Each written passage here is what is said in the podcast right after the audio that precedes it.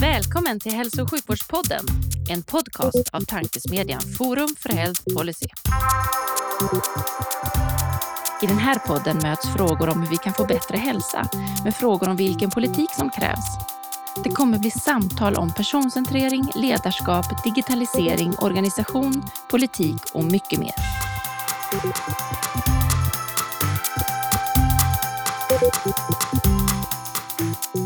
Hej och välkomna till Hälso och sjukvårdspodden, en podcast från tankesmedjan Forum för Health Policy. Jag heter Magnus Lejelöw och arbetar till vardags för Läkemedelsindustriföreningen eh, men är här idag i egenskap av styrelseledamot i Forum för Health Policy. Och vid min digitala sida sitter som vanligt Livia Holm, även jag styrelseledamot i Forum för Health Policy men till vardags eh, arbetar jag på Kry. Ja, men grymt. Eh, vi släppte ett podcastavsnitt igår senast och då märkte jag att jag pratade om fotbolls-EM och eh, eh, jag önskade varm sommar och så, där, så släpptes det efter sommaren. Det är, det är inte så lyckat. Idag så sitter vi dagen efter att Sverige tvålat dit Spanien i fotboll. Så då vet ni ungefär vad, vad vi är i tid och samma fotbollsreferens. Men vi sitter framför allt med, med en gäst som eh, vi har liksom väntat på och sett fram emot. En person med, med mycket liksom, makt och kunskap inom svenska sjukvården, framförallt en vidsynthet. Varmt välkommen Marie Morell. Tack så mycket. Ja. Jag såg inte matchen igår. Jag, jag, eh, det började gå bra när jag inte var närvarande så jag fick inte vara i rummet, sa övriga familjen. Vad glada vi är att jag inte om att det var en match igår. Så att det är olika. Men vad tur att den här podden handlar om svensk hälso och sjukvård och inte om fotboll. Då. Ja, eh, jag, hade, jag hade kunnat vara med i båda. Ja. Eh, vi börjar som vanligt podden med en faktaruta. Eh, och den första frågan i, i faktarutan är, vilket tycker du är det bästa sjukvårdssystemet i världen, Marie? Och varför? Oj, ja exakt eh, vilken fråga. Jag vet inte om jag tycker alltså, sådär spontant. Jag är inte mycket för att ha så här idoler, vare sig när det gäller politiker eller någon sån där, utan jag tycker man kan plocka lite godbitar, lite som en liten sån här plock, plockgodispåse höll jag på att säga. Eh, men eh, Alltså Holland är jag ju ändå lite liksom sådär fascinerad över och tycker att det är lite intressant. Jag har varit där några gånger men inte riktigt kanske. Jag försökte sätta mig in när man pratar med dem och förstå exakt hur det funkar och lite ja, men de, de har ändå hittat någonting som jag tror skulle kunna vara lite intressant. Eh, sen är det ju faktiskt, alltså vi ska inte Alltså Sverige levererar ju faktiskt väldigt god hälso och sjukvård och ska inte förringa vårt eget system. Men, men ska jag välja någon sådär spontant som, jag liksom, som man blir lite extra nyfiken på så är det nog Holland faktiskt. Och frågan är egentligen ställd lite dumt eftersom det går inte att hitta någonting, eh, liksom ett helt system som är bättre än något annat. Utan frågan är om du liksom har några russin du vill sno från andra ja, system. Men precis, precis. Eh, men visst, vi ställer frågan då så att folk måste svara att nej, men det går inte att plocka ett helt system någonstans ifrån. Utan vi vill ju ha från olika ställen. Ja. Men vad, vad, skulle du vilja ha med dig från, från, från Nederländerna? Nej, men de har hittat någonting, tänker jag, som handlar där både... Alltså, de har som jag tolkar det, nu ska inte jag säga att jag vet hur det funkar, för det, det finns ju säkert ups and downs med det systemet också, men på något sätt känns det som att de har både lyckats fånga den här att alla är delaktiga men ändå, ändå kunna bejaka valfriheten. Det är liksom den där kombinationen som jag känner att de, de, är, de är på på något vis. Eh, så att, eh, ja, det är det som jag tycker känns det, det spännande och också kunna upprätthålla liksom, mångfald av vårdgivare och så där. Så att det, det är liksom den där mixen som, som jag är ute efter i alla fall och tycker är spännande och intressant.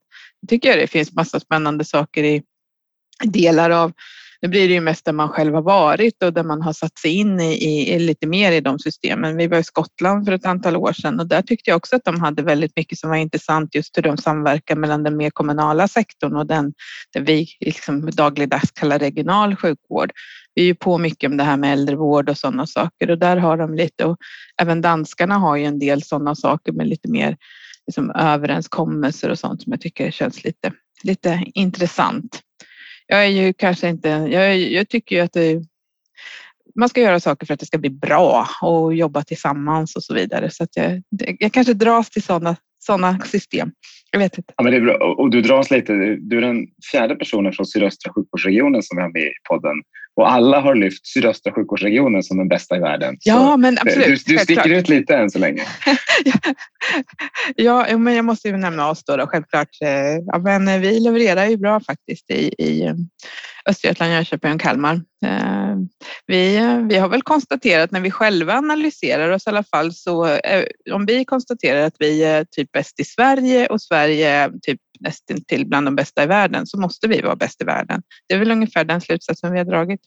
Så det är ja, ganska naturligt svar, tänker jag. Det låter rimligt. Och vi, vi återkommer naturligtvis lite till sydöstra sjukvårdsregionen. Det är bara så roligt, för det har varit en, de enda tre som verkligen har sagt att vår, vi är bäst i världen, det är, det är sydöstra. Det stämmer ja. sig. Livia, jag kan ju lite gissa vilka ni har pratat med också utan att ha koll på det. Så att, mm. ja, ja. Ja, men apropå att plocka russinen ur kakan så blir jag såklart nyfiken på om nu sydöstra är bland de bästa i världen. Vad är det andra regioner borde lära av er som ni är väl? Ja, vi har ju faktiskt tittat på det och försökt. Vi hade för ett antal år sedan hade vi något Almedalsseminarium över varför är vi bäst till exempel. Eh, nej, men, Ödmjukt. Ja, ja, ja, men man måste ju få folk in i tältet liksom. Eh, nej, men eh, alltså det jag uppfattar att, att vi ändå har lyckats att få till just i sydöstra då. Nu utgår vi ifrån att alla som lyssnar här vet vad det här är, men det är ju våra sjukvårdsregioner då, det är ju de vanliga regionerna samverkar och vi är ju ganska små i det sammanhanget. Vi är bara tre regioner och når upp till ungefär en miljon i, invånare i vårt liksom upptagningsområde. Men vi har kunnat jobba väldigt tajt tillsammans och ha ett nära samarbete. Eh, vi har ju också skapat en annan struktur. Jag var ju ordförande under ett antal år i, i liksom den nämnden. Jag var liksom, styrelsens ordförande då eh, och då gjorde vi om hela strukturen. Så vi har ju till exempel ett roterande ordförandeskap där vi två år i stöten är ordförande mellan Östergötland och Kalmar och även på tjänstemannasidan då har ett ledningsansvar. Så vi gick ju från eh, liksom regionsjukvård till sjukvård i regionen det varit liksom vår ledstjärna lite grann. Istället för att köpa och sälja högspecialiserad vård och eh, vi ska prisförhandla med varandra. Det gjorde vi också. Jag menar, jag har suttit, ni har, Anders Henriksson som ni då kanske har pratat med också eh, och, och jag, vi eh, kämpade mycket och tampades och så vidare över och det, det var liksom på, på öret ner vad man skulle betala för olika eh, saker. Men sen så insåg vi att vi kan inte hålla på så här, det går inte. Eh, och hur kan vi istället liksom kroka arm, samverka och samarbeta för att vi ska få liksom bästa vården för de som bor i vår, vårt område. Och eh, givande och tagande. Eh, ibland är det bäst att de får vård i Linköping på universitetssjukhuset. Ibland är det bäst att man får den hemma i Jönköping eller Kalmar. Och hur kan vi göra tillsammans för att utvecklas och att vi också behöver varandra. Så det är någon slags inställning som jag tänker att vi har skapat och det har inte kommit, det har inte varit enkelt. Det är inte något som gör sig självt utan det har ju varit ett medvetet strategiskt arbete bakom att få till den eh, samarbetskänslan faktiskt. Och en hel del av det som är kunskapsstyrningsorganisationen idag grundar sig också utifrån det medicinska programgruppsarbetet som vi har. Så det genomsyrar ju, det är inte bara i politiken och tjänstemän utan det är ute i vårdprofession och man jobbat länge tillsammans i, eh, jobbat med hur man ska jobba med riktlinjer tillsammans och hur patientvägar ska gå och så där. Mm. Du är vår första politiker från sydöstra sjukvårdsregionen så du kommer att få kämpa lite mer med dina gissningar. Men det är, det är inte bra. Jag, jag, jag får gå in och lyssna på podden. Men, men Anders vår, Henriksson och jag vår... som sagt var, vi har, vi, har, vi har tampats med de här frågorna ganska mycket under många års tid tillsammans. Mm. Precis. Livia, ska du ta fråga två i faktarutan nu? Gärna det. Ehm, då går vi vidare och eh, frågar vilka är de tre bästa parametrarna att mäta och utvärdera i vården och varför? Ja, den där, eftersom vi nu har försökt att sätta i datum var vi befinner oss här så var jag igår då får jag väl säga då på och pratade på när SNS släppte en rapport eh, angående det här med att jämföra eller ojämlikheter i vården och så vidare. Och, och då hade vi den, det resonemanget. Eh, alltså, jag tänker att rent generellt så, så tycker jag att vi skulle behöva mycket, vara mycket bättre på att, eh, att mäta liksom individens eh, upplevelse av vården. Eh, jag är inte så där, alltså det är klart att vi måste ha några sådana här basfakta med exakt ex, liksom antal dagar som man har väntat och så vidare. Men de måtten blir ofta väldigt trubbiga för att det beror ju så mycket på vad det är för sjukdom jag har och vad det är för åkomma. Jag menar, eh, vi pratar om 90 dagar, jag menar, men det är ju ett helt orelevant. Det är ju knappt ingen, ingen vårdtillstånd som har optimal väntetid 90 dagar. så att det, är liksom, det, det blir ganska knepigt mått tycker jag. Så jag skulle ju vara mycket mer, alltså jag tycker att vi skulle behöva utveckla mycket mer de här individanpassade måtten rent generellt i svensk hälso och sjukvård, både liksom på en mer övergripande plan men också eh, i det vardagliga patientmötet. Och här finns ju möjligheter att både kunna mäta kanske och, och, och eh, fråga efter vad har man för förväntan på vården när man, liksom när man söker vård. Vi pratar ju om liksom att vi ska vara med personcentrerad vård och det är allt möjligt och det ska vara värdebaserat och så vidare. Ja, men vems, vems mått är det vi går efter många gånger? Det är fortfarande vårdens bedömning på något sätt, men vart tog patienten vägen i, i det här? Eh, det finns ju system, eh, digitala system till exempel, där du kan innan ett möte liksom rejta din förväntan på mötet. Vad, har, vad vill du uppnå? Jag menar, ibland kanske det kan vara mest bara att stilla sin oro för att jag tror att det är en viss sjukdom. Ibland är det att jag vill, liksom, jag, jag vill att det här operativa ingreppet ska leda till att jag kan göra de här, de här sakerna efter eh, liksom allting är klart och så där. Och, och sen mäta. Så jag, jag tror att vi skulle behöva hitta mycket mer sådana mått och sen behöver vi också väldigt mycket mer fokusera på hur kan vi se till att människor mäta så att man kan se liksom hälsa och hälsoförändring och att hur människor kan då hur man kan hålla sig liksom mer frisk. Och vi pratade om, om vårdsystem förut, så det jag också tycker är väldigt spännande är ju det är ju egentligen det som är många av de amerikanska systemen. Nu tycker jag inte liksom det amerikanska eh, sjukvårdssystemet i sig är kanske något att eftersträva, men det man har gjort i många, eh, i många av systemen är ju att liksom mer fokusera på hur kan vi hålla människor mer friska längre?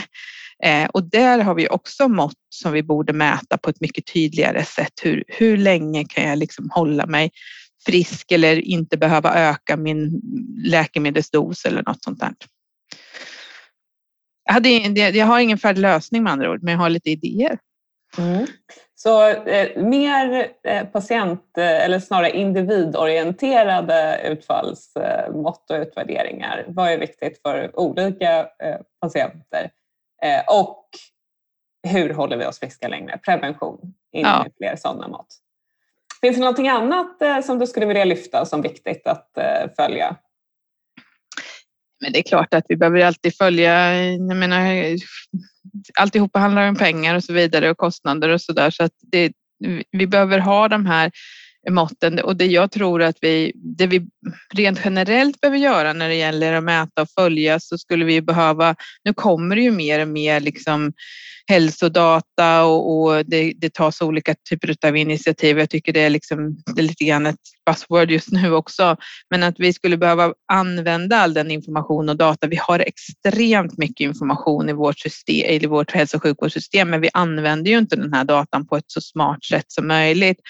Och där ser jag att om man skulle kunna jobba mer liksom stordata eller metadatamässigt och kunna samla ihop information på ett mer strukturerat sätt och det också då använda i den, ja men till exempel preventiva syftet att, att kunna liksom räkna baklänges eller så på att säga liksom, ja men vad var det som gjorde att vad finns det gemensamma faktorer för att den här typen av patienter blir mer eller mindre sjuka i sin sjukdom? Vad gjorde vi rätt eller fel i tidigare skede? Och också att, att den här typen av mättal finns tillgängliga för Eh, medarbetarna i sitt vardagliga arbete. Och där finns det ju en del då privata eh, initiativ som är väldigt mycket duktigare på än vad vi är i liksom de stora regionerna där jag uppfattar att det kommer nu, liksom de här dashboards och sånt, det börjar att komma, men det har ju tagit många, många år innan det har, har liksom fått genomslag. Och det kommer jag, tänker jag också påverka liksom sättet att leda och styra hälso och sjukvården när man har mer realtidsdata, snabb analysdata eh, som är enkelt serverad till eh, som vårdens medarbetare så är det ju också ett sätt att liksom mer snabbfotat kunna eh, jobba med, med rätt saker i, i, i sin vardagen. Så där tänker jag också att alltså, vi, vi har väldigt mycket data men vi ska använda den på ett smart sätt också. Absolut, både strukturera och använda. Det är ju sån här, att vi har data, det är ju ingen som tvekar på, men vi behöver kunna använda den och ta beslut. Precis. Absolut. Och då, det leder oss lite in på vår tredje fråga i faktarutan. Eh, som du nästan har svarat på, men då kanske vi om du vill svara något annat istället. Men just nu är det väldigt mycket förändringar inom svensk hälso och sjukvård. Det är nya journalsystem som är vårdinformationsmiljöer snarare. Det är en övergång till digitala hjälpmedel och annat. Men om du skulle vilja ge två medskick till alla som jobbar med att utveckla och förändra svensk hälso och sjukvård, vad skulle det vara? Jag tänker att det är jag själv som är med och utvecklar och förändrar svensk hälso och sjukvård hoppas jag. Men nej, men, ja, men det är väl egentligen... Alla, alla, alla som alla, varit med, alla med. Har, har, alla... precis, har varit med. Men vi tänkte att vi kan hjälpa varandra. Ja, precis. Nej, men det, då är det väl det här lite grann, precis som du själv sa, att jag väl varit inne lite grann på att alltså, hur tänka, hur man... Alltså, för det första handlar det om att liksom koppla ihop saker och ting så att saker och ting connectar med varandra som i journalsystemen så att informationen flödar på ett mycket smartare sätt och att individen har med sig eh, liksom att man kan komma åt information både från den kommunala vården och eh, regionen vård, privata vårdgivare och så vidare. För att eh, alltså, det, patienterna utgår ju från att du vet om att eh, ja, men jag har ju varit på den här undersökningen eller jag har gjort det här och så vidare. Det är liksom, man förutsätter att eh, grannvårdgivaren vet om vad som har hänt och man är trött på att liksom hålla på och rabbla alla de här eh, uppgifterna gång efter gång efter gång. Eh, hälsodeklarationer som ska fyllas i korsan och tvärsan åt olika håll och så vidare. Varför finns inte sånt sparat för? och så kan man återanvända. Jag menar när jag ska beställa någon vara på nätet och så klickar jag i mitt liksom, personnummer eller vad det säger det så står ju alla mina liksom, adresser och allt möjligt där i de där rutorna. Och, och det är ju likadant här. Eh, så där tänker jag att, att man behöver tänka hur kan vi koppla ihop det? Men också som sagt för hur kan vi använda den informationen som man då samlar in och återskapa den? Både i att kunna göra analys och metaanalys och, och så vidare. Men också hur kan vi koppla ihop så att du också kan jobba med eh, att vara, göra rådgivande och stöd i, i mötet i professionen det har ju kommit mer och mer naturligtvis sånt där det liksom ploppar upp olika saker att ja men okej nu har en patient som sitter med det här blodtrycket och med den här olika parametrarna då borde du titta på den här diagnosen eller tänka på att också ta det här blodprovet eller vad det kan vara för någonting. Och där tror jag att vi behöver ha väldigt mycket mer sånt kunskapsstöd. För om vi pratar om kunskapsstyrningen i vården och att det händer så mycket och att det liksom, ja, mängden information ökar så snabbt så finns det ju inte en chans att man kan hänga med utan här måste vi automatisera det på något smartare sätt. Eller att det poppar upp att ja, men nu har du en, en kvinna i den här åldern med den här diagnosen framför dig. Vet du om att det går de här och de här kliniska forskningsstudierna som den här patienten passar i? Vill den vara med och så där. Så det finns ju massor med sådana saker. Så att man inte bara tänker på sin produkt, för där och ska jag ge något, nu kanske lite out of topic här, men, men ska jag ge något råd till många som jobbar med som startups och så vidare, så alltså, där känner jag att man gör research ordentligt. jag vet inte hur många jag sitter med och har träffat som har jättegoda och supersmarta idéer. Men de har ju kommit på något som tio andra redan har kommit på och som redan finns och de vet inte om att tio andra redan har kommit på att det redan finns. Och då tänker jag Google är en ganska bra uppfinning. Den använder jag mig rätt mycket av. Alltså, jag blir lite ledsen. Jag blir, alltså, det är så tragiskt med många av de här bolagen som sitter och har jobbat och lagt ner jättemycket energi och så har man inte gjort sitt research ordentligt. Mm. Ja, jag kanske är lite elak, men jag, jag, Nej, men jag blir faktiskt ledsen av deras vägnar när jag kan på liksom fem minuter säga, men har ni pratat med den här, den här eller den här? Mm. Va? Vem är det?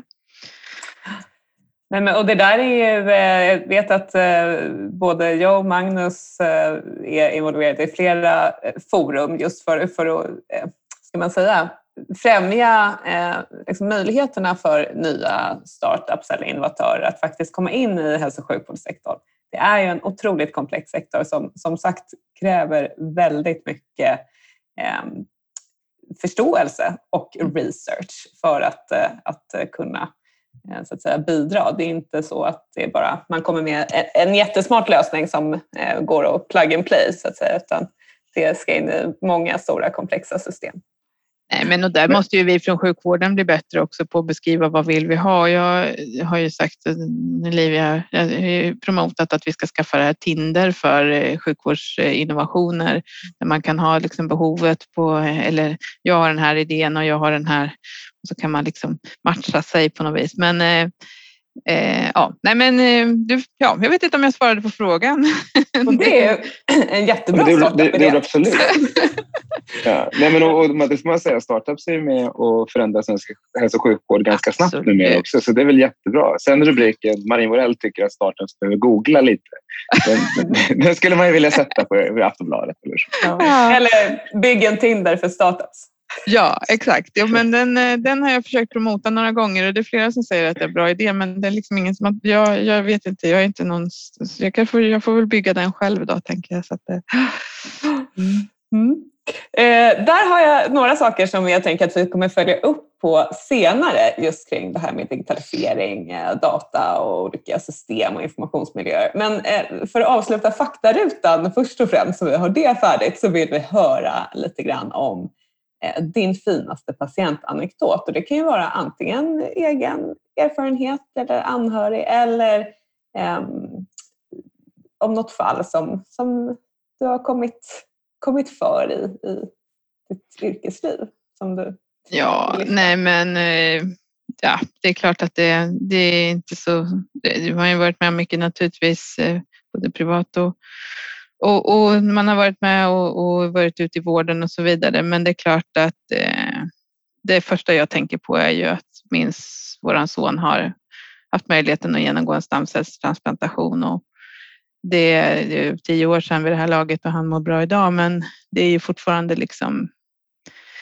Ja, det som den forskning som ligger bakom en sån sak och att eh, sitta där och se liksom den där blodpåsen som det ju är, eh, gå in i honom och liksom förstå att ja, men, nu ska hela hans alltså, benmärg förändras och det här kommer förhoppningsvis göra att han blir frisk. Alltså, är det, ja, en mäktig, liksom, ja, det, det var ju lång, lång resa naturligtvis med många det var många, flera års resa, men, men eh, just liksom de där timmarna är ganska ja, häftiga ändå. Eller de var inte häftiga i sig, men själva det det innebär och allt som det har inneburit. Så att jag har ju varit som mamma väldigt mycket i vården kan man säga. Nu har jag som tur var inte behövt vara det på de senaste åren, men, men har tillbringat väldigt mycket tid eh, tillsammans med honom i, i hälso och sjukvården på olika sätt och vis. Så att, eh, ja, så eh, jag är djupt fascinerad över liksom all den kunskap som vården ändå har genererat och vad det kan innebära och vilken förändring och vilken ja, vad det ändå kan göra, liksom rädda liv och så där. För det är klart, barn med leukemi som det var för min son i det här fallet, alltså för ja, inte jättemånga år sedan så fanns det ingen bot för dem, men det finns det idag. Så det, det är väl liksom, om jag får ta ett, ett moment som det är svårt att bräcka, tänker jag. Men det får du verkligen göra. Det, du, du, är faktiskt inne och touchar på, på områden som ett av de två områden som är absolut vanligast när vi ställer den här frågan. Och det handlar nästan alltid om barn eller död. Mm. För Det är liksom de, två, liksom, de två starkaste bilderna vi får. Det finns massa annat som är jätteviktigt mm. också naturligtvis. Men, men när vi, om vi försöker hitta ett medelvärde, vilket vi gärna gör. Eh, och det kanske mest, det, det du också belyser är att det här är det som blir mest både känslosamt men också det som liksom det viktigast i allt vi gör. Mm. Det gäller att komma ihåg det när vi jobbar vidare sen. Det är väldigt lätt att prata om täcka saker, men det är det här det, här det egentligen handlar om. Precis, Nej, men och, och eh, hur det både kan vara liksom, enkelt och så komplext. Liksom. Hur, och, jag fortfarande inte lyckats eh, och jag, har inte, jag känner att jag har gett upp för länge sedan och förstå hur människokroppen, hur det liksom funkar rent praktiskt när man gör sån här, hur den liksom kan ta över eh, benmärg och hur man kan ändra blodgrupp och massa sådana saker. Ja. Och får man skicka med något särskilt så är det väl så att har man inte anmält sig till eh, Tobiasregistret så eh, tycker jag verkligen man ska göra det. Så det kan jag uppmana alla till. Nu vill man helst ha lite yngre donatorer kanske, men man kanske har någon yngre familjemedlem som kan vara lämplig. Så att passa på att göra reklam och tipsa om det också. Men det är bra reklam. Vi har, brukar inte köra reklam här, men just den typen av saker är ju bara positivt. Så det finns ingenting negativt alls i det. Eh, men vi kanske ska ta oss vidare från faktarutan. Vi brukar börja med att krascha in i faktarutan i den här podden och så en halvtimme senare vi, jaha, men just det, vi har ju Marie här också. Vad, vad, vad, är, vad är din roll idag och, och, och, vad gör du på jobbet? Vad jag gör på jobbet? Ja, vi sa just det när vi startade igång här att jag sitter, jag sitter ju hemma ganska mycket nu för tiden.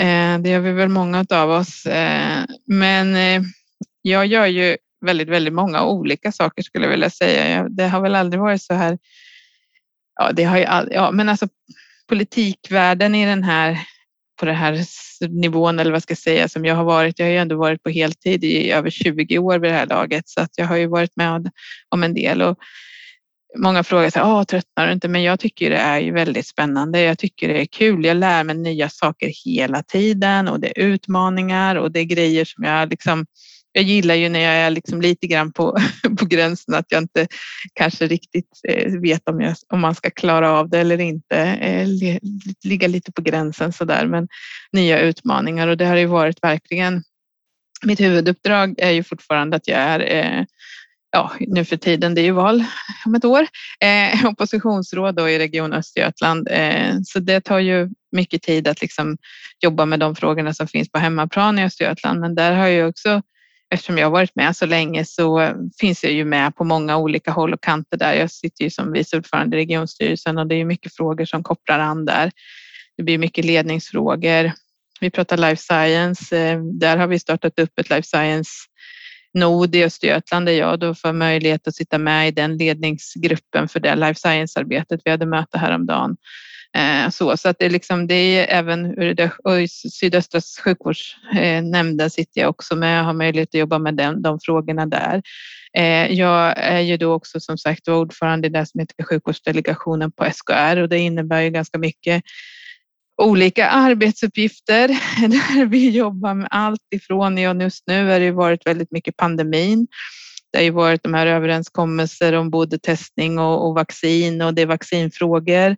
Och jag har ju eh, nästan till daglig kontakt, Emma Spak och jag, om vi ska titta på vår telefonlogg så Ja, eh, men eh, så att det är ju massor med sådana frågor, men där har vi också andra frågor inom sjukvårdsdelegationen. Vi jobbar ju med dina frågor, till exempel Magnus läkemedel, ganska mycket och hur de strukturerna ska se ut och framförallt ur ett liksom mer styrningsperspektiv. Vi är ju inte inne i liksom, om det ska vara läkemedelsdex eller y, men det är ju ganska mycket Eh, frågor på ett mer övergripande plan. Vi pratar om dina frågor Livia, om digitalisering och e-hälsa och den eh, har vi ju eh, och hur det ska vara med nätläkarna och vilken, vilka ersättningsnivåer det ska vara.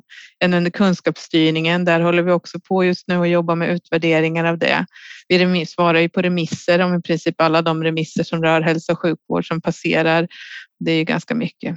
Sen har jag en del andra uppdrag också. Jag sitter i Neras styrelse till exempel som jag också jobbar med digitalisering i hälsofrågor. Sen har jag förmånen att jobba lite med cancervård också fast ur ett annat perspektiv. Jag är ordförande i direktionen för Skandionkliniken som har en anläggning i Uppsala med protonstrålning. Så det är ju också och då är man ju lite mer, det är en väldigt liten verksamhet och som ordförande så kommer man ju lite mer liksom ledningsnära så jag tycker, och sen sitter jag i eh, regeringens eh, samverkansgrupp för life science-frågor, styrgrupp för vision e-hälsa och lite så. Här. Så jag tycker jag fyller min dag får jag väl ärligt säga kanske. Det låter så, tycker jag också. Jag, jag tänkte så här, hmm, undrar vad vi ska ge upp. Du ska men du fortsätter och fortsätter och fortsätter med uppdrag. Hur, eh, finns det några områden som du brinner lite extra för eller extra intresserad av? Jag tänker, hinner du, hinner du göra så mycket när du gör så mycket? Så att säga? Ja, den här frågan ställer man sig ju alltid. Liksom, vad, har jag, vad har jag åstadkommit för någonting överhuvudtaget? Har jag gjort någon nytta? Och den, den tänker jag att den, den behöver man fundera på lite nu och då, för det känns som att man mest springer runt och, och är på, på olika möten och, och tycker saker och ting. Ja, eh, jag, jag, tror man är lite dålig på att liksom titta tillbaka och fundera på, men det där vi gjorde, det gav ändå effekt och, och påverkan. Ehm, så, ehm, men det känns väl som att jag har liksom fastnat lite extra mycket för liksom hela digitaliserings och e-hälsofrågorna och, och, ehm, och i och med att man också att jag finns med i en del av de sammanhangen så skapar man sig kanske mer kunskap och då blir man också approcherad eller vad ska jag säga mer i de typerna av frågor. Så att när jag, liksom, jag, jag tycker det är ett väldigt, väldigt spännande område så att eh, ja, de ligger lite extra varmt om hjärtat. Sen är det ju naturligtvis allting som har med, med hälso och sjukvård att göra. Men som sagt, jag har hållit på i 20 år så att jag har ju liksom varit igenom under en period jobbade jag jättemycket med psykisk ohälsa och patient, liksom, de frågorna som rörde det och så där. Men det blir lite, ja, man, man, klarar inte av och det är väl ett råd som jag försökte ge till andra kollegor som kommer in nya i den här branschen. Det, alltså det är så mycket. Du kan jobba med precis vad som helst inom hälso och sjukvårdsområdet så du måste välja lite grann för annars så kommer du drunkna av alltihopa och försök att lära dig ett område lite djupare. För mig var det psykiatri som jag liksom när jag kom in som, som brev det området där jag eh, jobbade mer och lärde mig liksom strukturerna, förstod lite mer hur, hur det funkade och då går det ofta att applicera på så många andra områden sen så att eh, och så har man fått liksom en eh, fått med sig det här. För jag gillar ju också när man får liksom det här lite jag vet inte, skit under naglarna brukar jag säga men alltså att man verkligen får känslan och får möta patienter och liksom vad handlar det om på riktigt liksom. Mm. Vad skulle du säga är mest eh, utmanande i din roll? Eller roller får man väl ja, men det är ju, ja, precis. Nej, men det är ju olika. Det är ju olika alltså att vara att vara ordförande då eller vara liksom den som är ledning, då får man ju en typ av roll. Då blir man ju ofta liksom, det är mycket mer, alltså det är mer ledningsfrågor. Det tror jag man glömmer bort ibland i politiken. Man tror, tror liksom att det är massa politiska förslag som man ska rösta med. Vi är ju chefer, vi är ju ledare väldigt mycket och har andra ledare under oss, jag menar i form av direktörer och, och, och chefer och så vidare, där vi är bollplank och rådgivare och ska ta strategiska beslut hela tiden. Eh, så det är ju det som är mycket av våran så att säga, vardag. Eh, men eh, ja, ja, jag vet inte riktigt. Nu glömde jag nästan frågan varför det. det, det mest utmanande? Det mest utmanande, dina, ja, nej men det, det, är klart att det, alltså, eh, i pandemin nu till exempel så har ju min roll varit ganska mycket som, som i sjukvårdsdelegationen då att eh, få ihop Eh, alltså vad är, vad är regionernas samlade röst när vi har då, och det är ju det vi jobbar mycket med när vi förhandlar då alla överenskommelser till exempel mot staten. Vi, vi har ju ungefär 16 miljarder i riktade statsbidrag som vi förhandlar och det är klart att det är lite, det har varit, det, och där i pandemin i början där så med testningen och ni vet innan vi landade ner i hur det skulle vara och det här med vaccination och allting. Alltså hur, hur samlar man in? Vad är, den, vad är regionernas uppfattning? Vad tycker man? Vad är avvägningar? Hur hittar man lösningar som kan vara vägen framåt? Så det är ju naturligtvis det är ju utmaning tycker jag, men det är också det jag tycker är roligt. Så att det är liksom, för mig så går det lite hand i hand. Att det, vad, som är, vad som är utmanande är också det som jag tycker är spännande och kul. Precis, och vi som ser dig ser, ut, ser ju att du ler på varenda fråga. Så du, du ser ut att tycka det mesta här är roligt. Det, det är vi andra glada för. Eh, men nästa fråga då tänkte jag gå in på det här med regionalt kontra nationellt. Eh, och nu vet jag att du är regional eh, politiker så jag tänker att det här det är liksom, jag ställer frågan som vad är fördelarna med, med nationell styrning och är fördelarna med regional styrning? För det finns ju fördelar med båda. Liksom. Vad, vad, om du fick plocka russin, vad, hur skulle du se se vad, vad, är det som är bra nationellt och bra regionalt eh, så här efter en pandemi? Eller under en pandemi? Ja, nej men alltså, jag tror väl att det är just den här mixen som, som vi, behöver, vi ska fortsätta utveckla, för jag tror att vi har hittat någonting, vi är någonting på spåren eller vad jag ska kalla det för lite grann eh, eh utifrån pandemin med att vi har samverkat, vi har använt den regionala kunskapen. För jag tror att, alltså, och där någonstans eh, glömmer vi nog bort att folk pratar om att ja, vi ska förstatliga vården. Ja, men det måste ju ändå finnas liksom en regional organisation och struktur som fångar upp det, det, det regionala särarten eller vad vi ska kalla det för. Eh, för allting ser ju inte likadant ut i Sverige och även om alla verkar vilja att, att det ska vara liksom exakt likadant även i byggnader och annat. Kan ta den debatten senare. Eh, men, eh, men eh, så där tänker jag att alltså just genom att, att kroka arm och samarbeta och eh, både visa sina styrkor och svagheter för varandra i den här olika samarbetsgrupper. Ta IVA-samordningen till exempel som vi har haft under pandemin eller vaccinsamordnarna som har träffats regelbundet och tillsammans också kommer fram till vad är liksom de kloka lösningarna? Vad, vad funkar på riktigt där ute?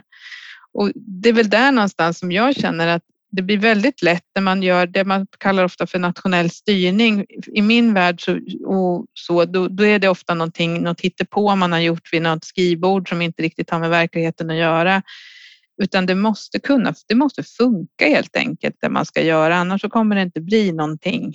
Och det är väl den erfarenheten jag har med mig och vet att alltså det spelar ingen roll om vi fattar politiska beslut. Om vi, vi kan tycka de är hur bra som helst, men gillar inte professionen det och, liksom, och det går inte verkställt, då kommer det inte att hända.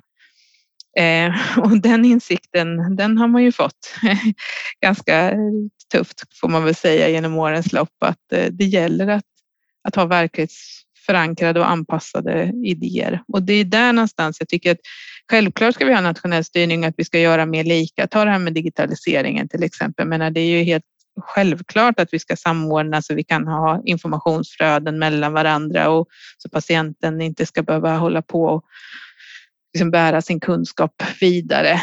Så det, det finns massor med sådana saker där vi liksom behöver standardisera enkla saker som är ganska självklara och det jag tror att det finns en, alltså, folk bara förväntar sig att det ska funka. Men sen måste man också ta med liksom, vad, vad är det som praktiskt är genomförbart på olika sätt och vis. Mm. Om vi håller kvar oss där lite kring, du har varit inne nu på digitalisering och eh, data, infrastruktur och så vidare några gånger. Eh, just nu så, så är det många regioner som är eh, mitt uppe i att eh, implementera nya vårdinformationsmiljöer. Mm. Ehm, vad är din bild av hur det här arbetet går och framför allt kommer det leda till det här som, som du tar upp är, är viktigt för framtiden, det vill säga att olika aktörer får tillgång till patientens relevanta data och att man har gemensam, gemensamma dataflöden och informationen följer med patienten och alla de här bra sakerna du har sagt. Är det dit vi är på väg nu? Eh, alltså, både ja och nej får vi säga. Att, att det står samma etikett på eller samma liksom logga på journalsystemet är ju inte en garant för att informationen flödar emellan, det kan jag ju säga. Eh, och så den enkla ska man ju inte liksom gå på och tro att, eh, att det, men det finns ju en större förutsättning naturligtvis. Men Ja, vi är ju själva då ett, ett Cambio Cosmic-region, eh, har varit i, i många herrans år eh, och vi i Östergötland så byggde vi ihop våra system redan från början eh, mellan vårdcentral och sjukhus och det har ju vi haft i, ja, ja, det är ju mer än 20 år nu, nästan 25 års tid som vi har haft den informationen. Det är ju inte alla regioner som har ens det i, i dagsläget, så för oss är det helt självklart. Men om vi då tar vårt eh, lilla sydöstra igen här, så har ju de också Cambio Cosmic. Men det var ju bara det att, ja det står det ju på etiketten, men sen har de ju liksom stoppat någonting annat i den lådan. För de har valt andra moduler och allt vad det är, liksom gränssnitt och, och kopplingar och så. Så vi, där håller man ju på med liksom ett ganska så stort arbete för att göra liksom dem mer lika. Och vi kan ju inte föra information fullt ut emellan våra regioner idag heller. Så att eh, här finns det ju, jag tycker att vi har ju, det pågår ju, eller har startats lite grann i alla fall, det här man har börjat prata om som, som en Sverigeförhandling nu i Daniel Forslund som lite pappa till det där. Eh, där tror jag ju att det, det är dit vi måste ju liksom hitta vad är det för standarder, hur ska det se ut? Men men då är det ju också att en del kanske måste få göra avbräck och avkall på liksom sina traditioner i hur ja, men vi har alltid skrivit eh, den här texten på det här sättet och vi har alltid skrivit löptext och vi minsann ska inte koda på det här. Och, alltså det finns ju miljoners olika grejer i det här som gör att det är ganska komplext att från att gå ifrån det här ganska fragmentiserade eh, systemet att liksom föra samman det. Du måste benämna saker på ett likartat sätt eller samma sätt ska vi säga för att det ska kunna vara sökbart och så där. Så att det, det, det ja. Så det, är ett, det är ett jobb, men, men jag tror, alltså vi måste bygga den där grunden och den här informationsplattformen och Eh, det är också frågor som vi pratar ganska mycket om utifrån ett Inera-perspektiv naturligtvis. Hur, hur får vi till den här liksom basen? Och sen tror jag att man kan ha, ja men likväl som vi har olika telefoner och, och datorer och alltihopa det här, jag menar det ser vi som självklart att jag menar någon köper en iPhone och någon en Samsung och det, men att vi ändå ska kunna ringa till varandra och skicka bilder och meddelanden och vad det kan vara för någonting, det är ju det är helt naturligt. Men, men sen om jag vill ha min min produkt ska liksom vara på, på liksom det här. Och det, så att jag, tror ju, jag tror inte att vi ska ha ett journalsystem. Jag ser inte att det är det som är lösningen. För Det är ju liksom innehållet som är det viktiga, hur du connectar mellan varandra. Men, men du nämner också att innehållet är ganska olika i olika regioner baserat på hur folk är. Det är ju i min bok ett ganska stort problem Eh, och något vi gärna skulle jobba lite tillsammans med för att faktiskt få den där strukturerade hälsodata som, som du nämnde för ja. en halvtimme sedan som ja. nyckeln framåt. Absolut, och nu tittar man ju en del. Eh, jag såg att det kom ett regeringsförslag här med, med eh, alla liksom kvalitetsregister till exempel som vi har. Och, och, och, där i min, eh, liksom som jag tänker, så, och de har ju också vuxit fram och det finns liksom, vi är olika ägare eller vad ska jag säga, ansvariga för de här kvalitetsregistren i olika regioner och man använder lite, ja, man, det finns väl ett huvudsystem, men det finns ju blandat. Men tänk om vi skulle kunna använda tillsammans all den information och data som finns i våra kvalitetsregister och kunna samordna det på ett smartare sätt. För jag är lite rädd för att både med det kvalitetsregister och kunskapsstyrning och så vidare så är vi kvar i de här gamla stuprören som bygger på någon slags eh, militär hierarkisk eh, organisationsprincip över att en ortoped ska minsann hålla sig på sin kant och en medicinare de ska vara där borta i det andra hörnet och så vidare. Och patienten ser ju inte ut så. Jag menar, den kan ju ha alla möjliga åkommor och vi måste lära oss liksom hur vi kan kors, korsköra även här på ett mycket, mycket bättre sätt och kunna dra samlade slutsatser på ett smartare sätt. Men äh, nej, det, är en lång väg att gå. Man pratar om Estland ofta. Vi var där för ett antal år sedan och tittade, men, men de var ju bara ärliga och sa att ja, men det var ju bara så att vi i början på 90-talet, vi hade ju ingenting. Vi hade ju inget. Vi började, börja på ruta ett och liksom, då tittar vi ju runt i världen. Vad var de smartaste systemen? Och så där ville vi inte göra, att vi delade upp det i olika bitar, utan vi började med en gemensam platta och sen har vi kunnat utveckla det.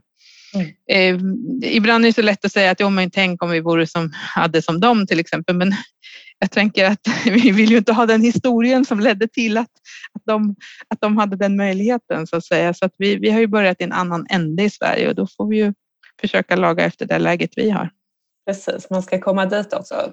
Men jag blir nyfiken på att höra din bild av ehm, eh, så att säga, eh, vem eller ja, vem ska ta ledartröjan i det här? För det, eh, jag tycker visionen eh, som du beskriver, vart vi behöver röra oss, det, det verkar nästan råda konsensus om det och det är inte alltid helt vanligt i, i hälso och sjukvården. Men just när det kommer till digitaliseringsfrågorna så brukar eh, det ändå låta ganska likt vart man vill, vart man vill komma. Men kanske inte riktigt lika solklart vem som eh, så att säga, ska se till att det händer.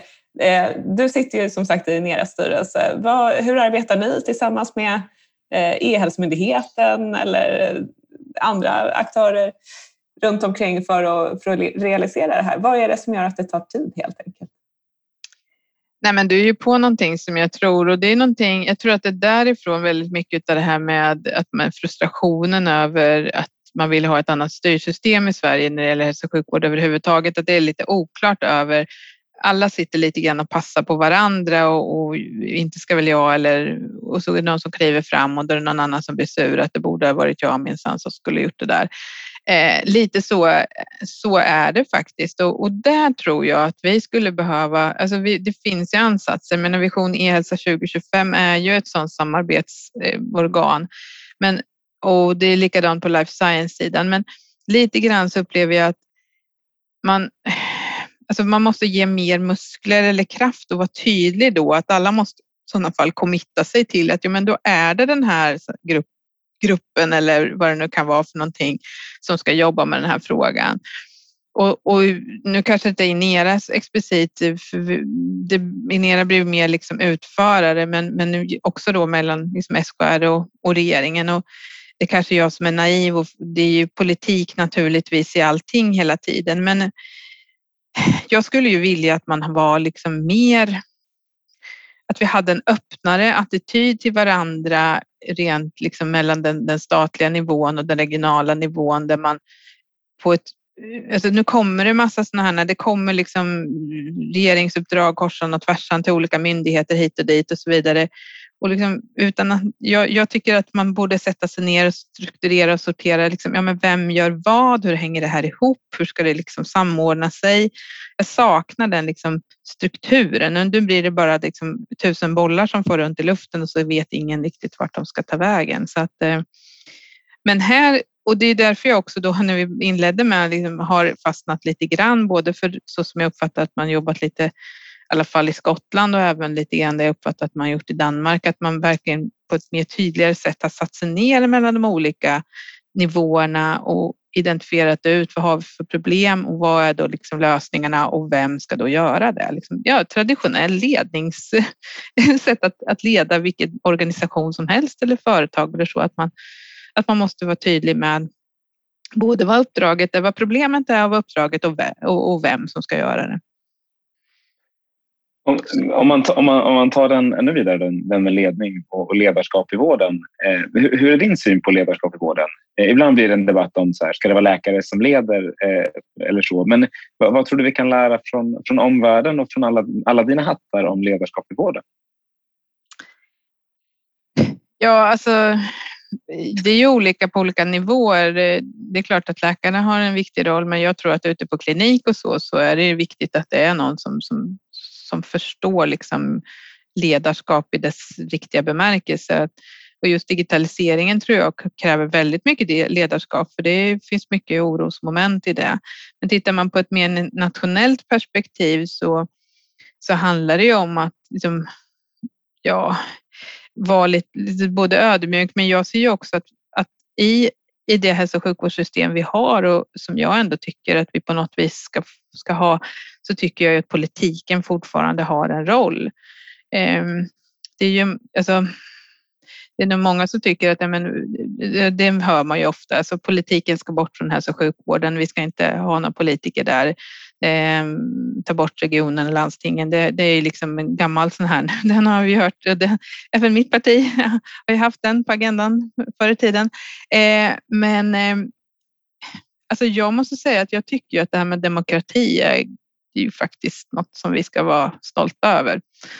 Och eh, jag tycker ju också att hälso och sjukvård är en av de absolut viktigaste liksom välfärdsområdena. Och är det någonstans politik ska finnas så måste det väl ändå vara i liksom hälso och sjukvårdsområdet.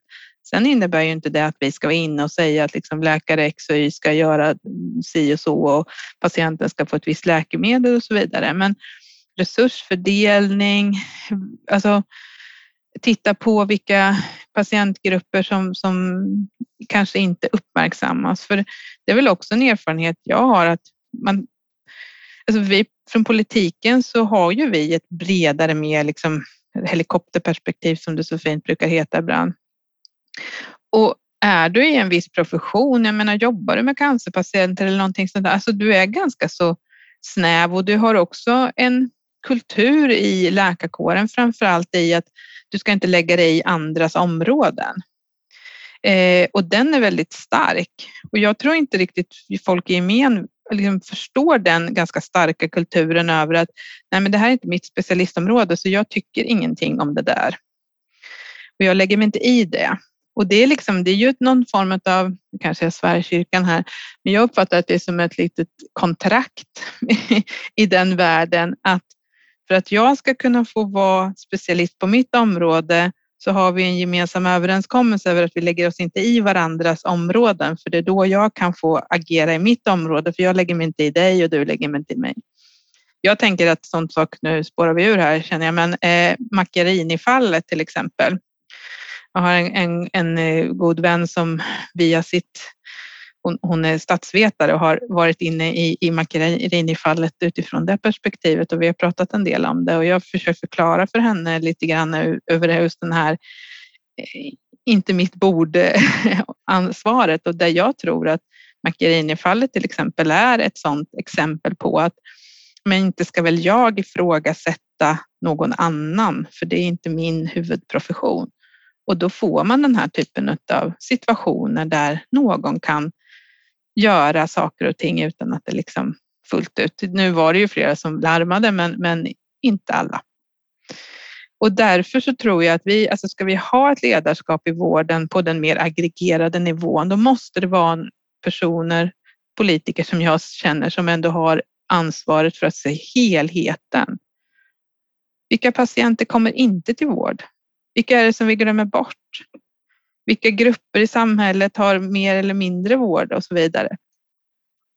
Och jag tror ju att det perspektivet kommer att gå förlorat om vi inte liksom har den här mer demokratiska politiska perspektivet med. Sen är det en del som tycker att vi har för lite av det och så vidare, men, men jag tror att det skulle vara ännu mindre om man då hade det mer professionsstyrt. Det är bra att du tror på demokrati, det tycker vi också. Det hade varit mer Sverige kyrkan att säga något annat. Eh, om du då tänker på med ditt helikopterperspektiv och din eh, liksom, demokratiska vilja. Om vi, Vad präktig jag låter, jag känner så här. Usch, det känns som någon sån här... Vi vet att du är inte så präktig, så det var roligt Nej, att, jag är bara skenet som bedrar. Hälso och sjukvården 2030, hur tror du den ser ut? är min första fråga. Och den andra frågan i Sverige då. Eh, och min andra fråga är, eh, vilka politiska beslut behöver tas för att komma dit? Ja, nej, men vi, vi landar ju in på digitaliseringen hur vi än gör känner jag. För det, det känner jag att vi, alltså, vi kommer att... Alltså att, att vi, jag, som jag tror eller som jag skulle vilja skulle, så behöver vi ha liksom en, en, en mix av att eh, eh naturligtvis bra eh, patientmöten i det, i det fysiska, men vi behöver ha också det digitala och det, det de digitala vårdgivarna ändå har liksom satt fingret på, det är ju också eh, och det är väl där vi får den här komplexiteten mellan den regionala ledningen och den nationella, men att vilken kraft vi ändå har i att, att kunna samarbeta och att man kanske inte behöver ha liksom superexpert i, i varenda buske utan att det går via digitala hjälpmedel så kan jag komma i kontakt med någon som är Eh, väldigt eh, expertorienterad i ett visst område. Nu har vi ju frågor om nationellt högspecialiserad vård och, och de rullar ju på, men jag tycker man missar ju hela, liksom man missar ju hela liksom digitaliseringsdelen i den debatten. Det är ju väldigt mycket liksom att operation XY ska utföras på ett visst sjukhus eller så. Men, men hur ska vi hur ska man istället tänka? Hur ska det här bli liksom en nationell resurs och vilka, vilka delar ska finnas med då för att, eh, för att liksom alla svenska kunder ska kunna ta del av den här eh, liksom ganska avancerade vården? För det är någonting dit vi går också och det är ju det här med precisionsmedicin och så. Vi kommer ju lära oss mer och mer om det. Att, eh, liksom, det vi har sett som, jag menar vi kan ta bröstcancer, det är en klassiker som vi brukar ta som ett exempel, att jag menar för tio år sedan så, känd, så trodde alla att det var liksom samma sjukdom, men idag vet man om att det är jättemånga sjukdomar och det är olika typer av gentyper och det är olika tumörvarianter och allt vad det är för någonting. Och det här måste ju liksom tas om hand på olika sätt och vis.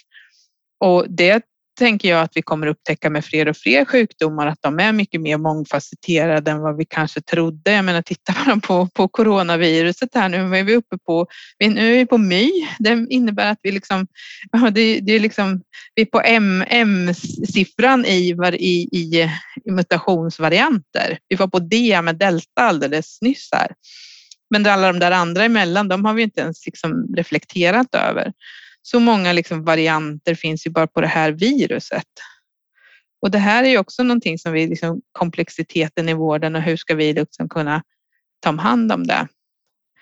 Ja, jag vet, det var inget bra svar känner jag, eh, men eh, och det gör ju att alltså, slutsatsen, samarbete och jobba ihop, eh, eh, det är väl det, är det vi måste, måste göra. Och det, får, jag vet inte vad vi ska hitta på för bra politiskt beslut för att åstadkomma det. Det var ingen görenkel fråga heller, ska man säga. Nej, men vi är ju som sagt fortfarande mitt i den här pandemin. Jag känner att varenda gång man pratar om det vill man säga vi har gått igenom en pandemi, men eh, där är vi ju inte ännu. Ehm, många eh, i den här podden och runt om i, hälso och sjukvården, samhället, pratar om olika lärdomar från pandemin ehm, och vad vi tar med oss. Och nu är det ju som sagt val snart. Mm. Eh, det har ju redan börjat, liksom, pandemin har ju satt fingret på många områden, eh, både vad gäller liksom, regional nationell styrning, eh, kommunala omsorgen versus mm. regionvården och så vidare. och så vidare. Vilka tror du kommer bli de mest debatterade vårdfrågorna i valet 2022? Ja, det beror lite på hur utvecklingen går, men jag tror ju att det som kommer att komma som är nästa liksom effekt, det är ju eh, den upp, upparbetade vårdskulden. Så jag tror att vi kommer att ha ganska mycket diskussion om vårdköer i valet. Om, om vi nu ser att liksom pandemins utveckling, om det ändå börjar att klinga av lite grann, och det såg vi redan förra hösten så blev ju det, så skiftade det ganska så snabbt när människor ändå upplevde att nej, men nu, nu har det nog lugnat ner sig och då liksom, men varför har jag inte fått min höftledsoperation för? Om det nu ändå inte är någon pandemi längre. Jag kan acceptera att jag får vänta så länge jag förstår att det är fullt på IVA av eh, liksom covid-patienter, men nu verkar de inte vara där. Nu vill jag ha min operation. Så där tror jag att vi kommer att få ett mycket, mycket högre tryck på på att verkligen leverera vård till alla de som, som, som nu har väntat och det är ju väldigt många som har väntat länge och vi har ju sett hur, hur köerna har ökat. Och det är ju en jätteutmaning ur liksom medarbetarperspektiv för det är ju samma människor i princip som har stått mitt i covidvården som nu också ska jobba som operationssjuksköterskor och narkos och allt vad det kan vara för någonting. Så att eh, det, det, kommer att bli slitigt, men rent debattmässigt så tror jag det kommer att hamna ganska mycket där. Men sen tror jag att de här lednings och styrningsfrågorna kommer att fortsätta att debatteras också. Eh, och det, det, märker vi ju att den, den debatten är ju ganska så intensiv. Vi har ju lärt oss genom åren, det, den, den frågan Läkarförbundet sätter ljuset på, den, den, den debatterar vi och Läkarförbundet just nu verkar ha satt ljuset på, på att de vill jobba med liksom förstatligande. Förut var det att vi skulle ha fast läkarkontakt, men nu har de bytt fråga så det gäller att hålla span på det. Ehm, så. Men eh, ja, så att det är väl de två som jag tror kommer att, att röra sig ganska mycket i, i den allmänna. Lite på olika nivåer kan vi säga. Ehm, mm. Finns det någon fråga som du inte tror kommer liksom vara profilerad i, i eh, så att säga, valdebatten men som kanske bör vara det? Ja, Alltså, ja, det är väl återigen, men det är väl snarare utifrån det du själv sa att, det var, att vi flesta är överens om. Men det är väl de här liksom ganska tråkiga liksom datainfrastrukturfrågorna. Hur, hur bygger vi liksom den här grunden på huset eller vad man nu ska kalla det för? Det som gör det, och det är väl så ofta med politiken att, att det som egentligen är basen eller det viktiga och, och grundfundamentet för, för oavsett vilket politikområde man har, det, det är inte så roligt att prata om alla gånger utan det är lite roligare med de här liksom, cherry on the top, eller på att säga, men liksom det här det som sticker ut lite grann. Så att, eh, ja, nej, men, eh, men just hur, hur, vi, hur vi kopplar ihop och även också naturligtvis tänker jag hur ser vi till? Och det är väl en, en fråga som, som också ligger och puttrar och som jag kan känna en oro för. Och just så hur, hur jobbar vi med kompetensförsörjningen långsiktigt också? Eh, det är väl heller ingen sån här jättekioskvältare på det sättet. Att många bryr sig om att vårdpersonalen ska ha bra villkor och sådana saker, men, men hur ska vi liksom få ihop schemaraderna eh, i praktiken och vilka med, liksom, hur, hur ska vi kunna ta hand om den åldrande befolkningen och så vidare på ett mer övergripande perspektiv. Det är också frågor som jag funderar på lite grann. Det är bra. En, en viktig sak för folkhälsan är att man rör sig och nu har våra lyssnare varit ute och rört sig en timme inser jag när vi tittar på klockan. eh, hur, Maria, när du kom in i det här digitala poddrummet, förutom att du trodde mitt ljud skulle vara bättre än vad det var i början av sändningen, ja. vad, eh, vad hade du, hade, var något du hade velat prata om som, som du inte fått prata om? Nej, jag var väl nog ganska eh, förutsättningslös, höll jag på att säga. Nej, men jag tycker vi har gått igenom ganska många olika spännande områden så att jag eh, tycker vi har lyckats täcka in, täcka in området väl. Jag trodde du skulle fråga om jag hade varit ute och gått en morgonpromenad eller någonting, men det hade jag inte varit. Men då, då tackar vi, men då, då, tänkte, då tackar vi så varmt, varmast för att du var med i, i Forum för Health eh, hälso och sjukvårdspodd. Eh, och tack alla ni som lyssnat och tack Livia och tack, eh, tack för att sommaren fortfarande jobbar på lite. Eh, ha det så fint allihopa. Tack så jättemycket för att jag fick vara med. Hej. Ja, hej. hej.